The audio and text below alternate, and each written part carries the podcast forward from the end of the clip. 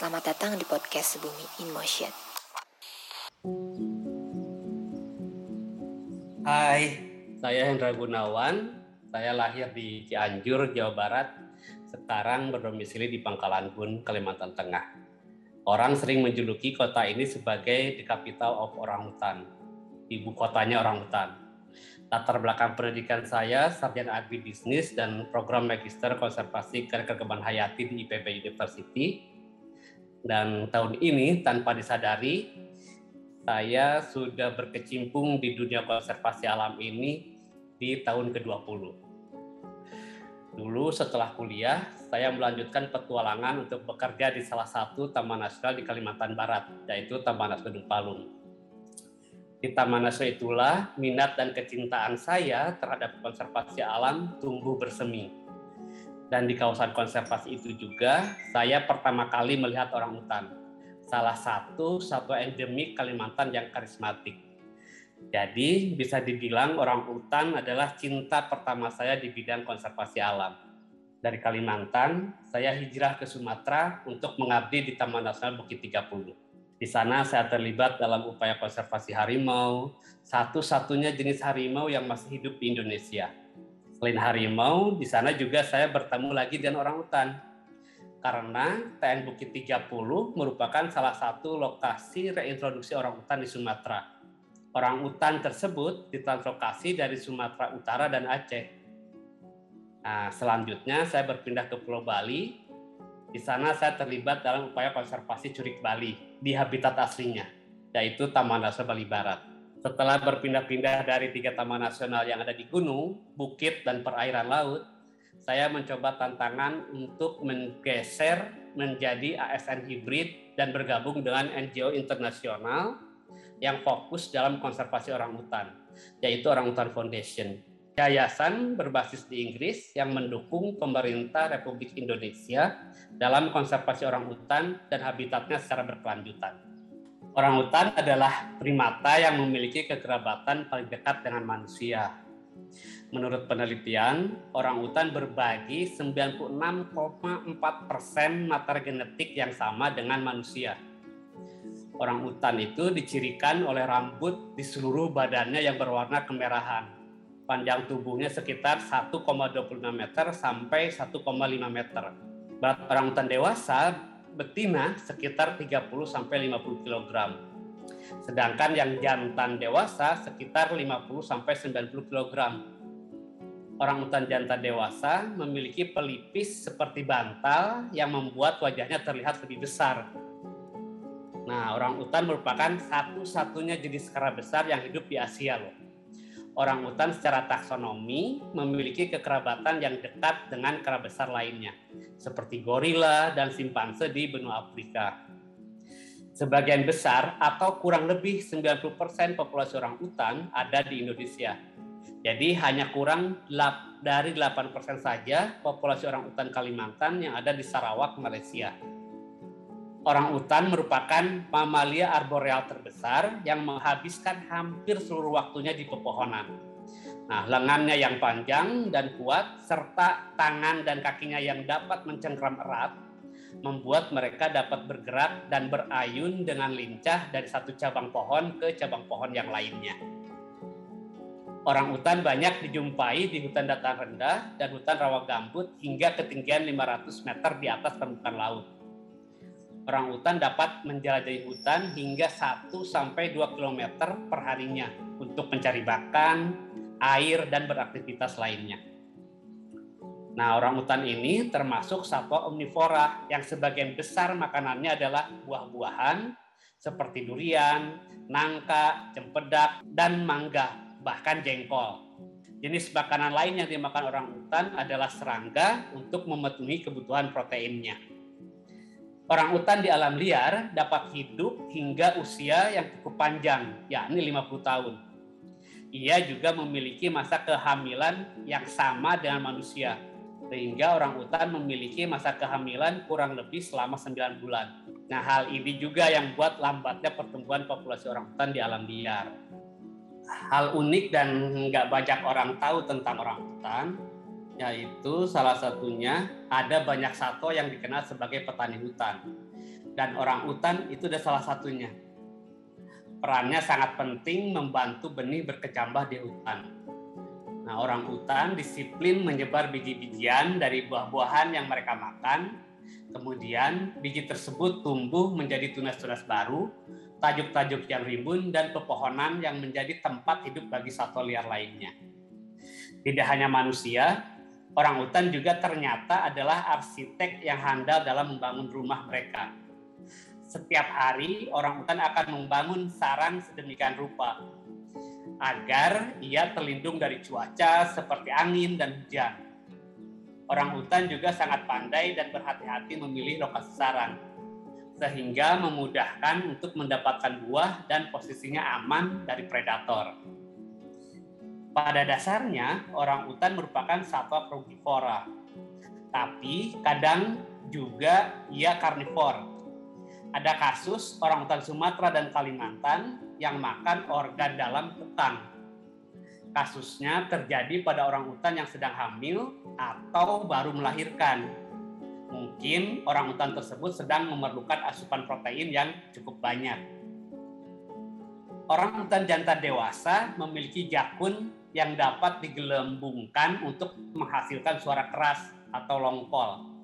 Ini digunakan untuk memanggil dan memberitahu keberadaan mereka.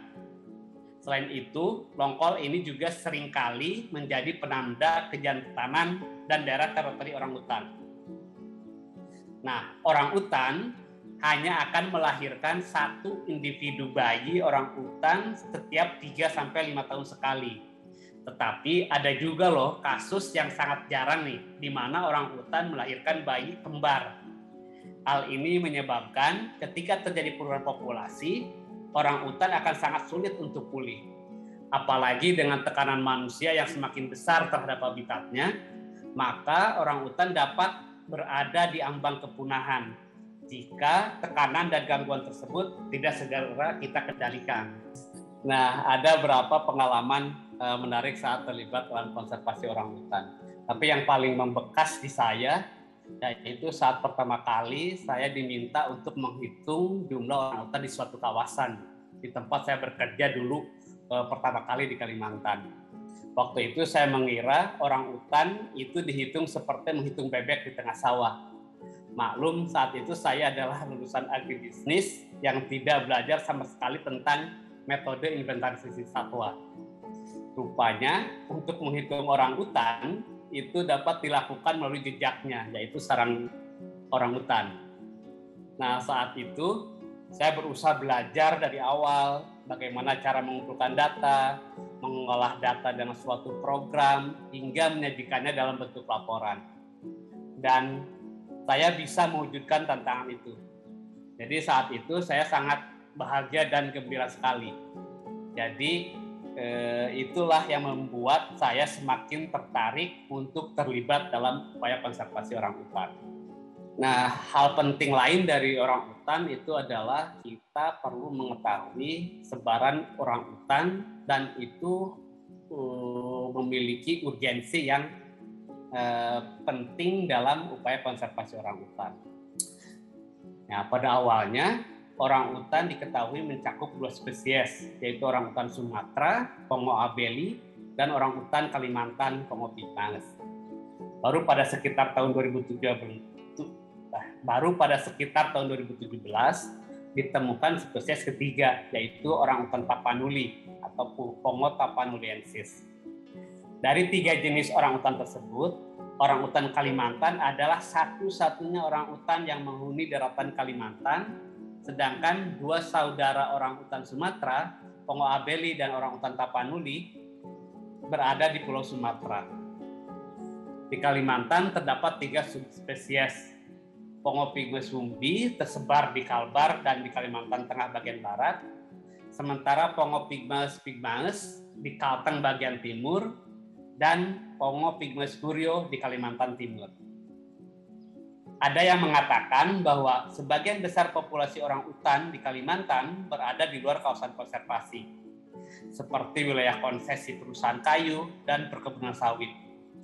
Hal ini membuat pentingnya komitmen bersama dalam melindungi orang hutan yang bukan hanya dilakukan oleh pemerintah dan LSM saja, tetapi juga menjadi tanggung jawab kita bersama, termasuk perusahaan swasta.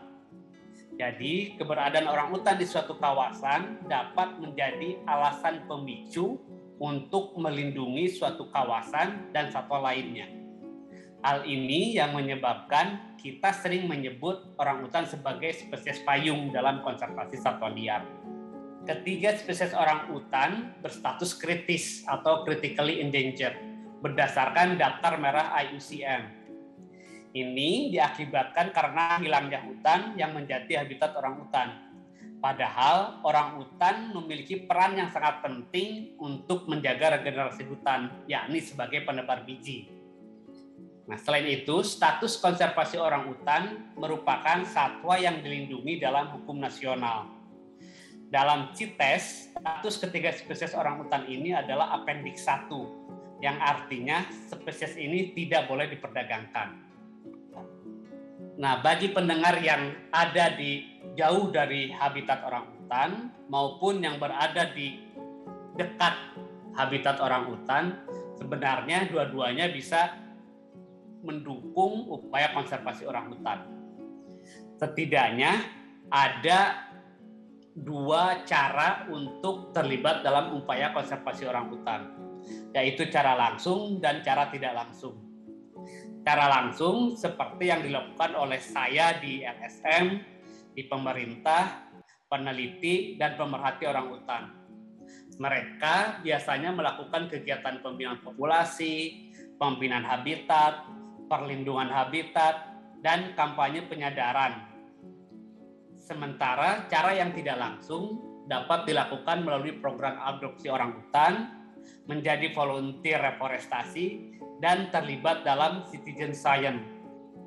Serta yang paling mudah saat ini untuk dilakukan yaitu edukasi konservasi melalui platform media sosial. Mengingat dan memahami kondisi populasi dan tantangan konservasi orang hutan di masa kini dan masa depan, maka tidak ada cara lain selain kita harus bersinergi dan berkolaborasi demi terwujudnya populasi orang hutan yang lestari. Oleh karena itu, mari kita pelajari dan sebarkan informasi tentang orang hutan untuk meningkatkan kepedulian. Melaporkan jika menemukan kejadian terkait gangguan dan ancaman kepada orang hutan ke aparat setempat. Biasanya bisa ke Balai KSDA atau ke kepolisian atau ke Balai Taman Nasional. Dan dukung upaya konservasi yang dilakukan baik oleh pemerintah Indonesia NGO ataupun badan-badan konservasi lainnya.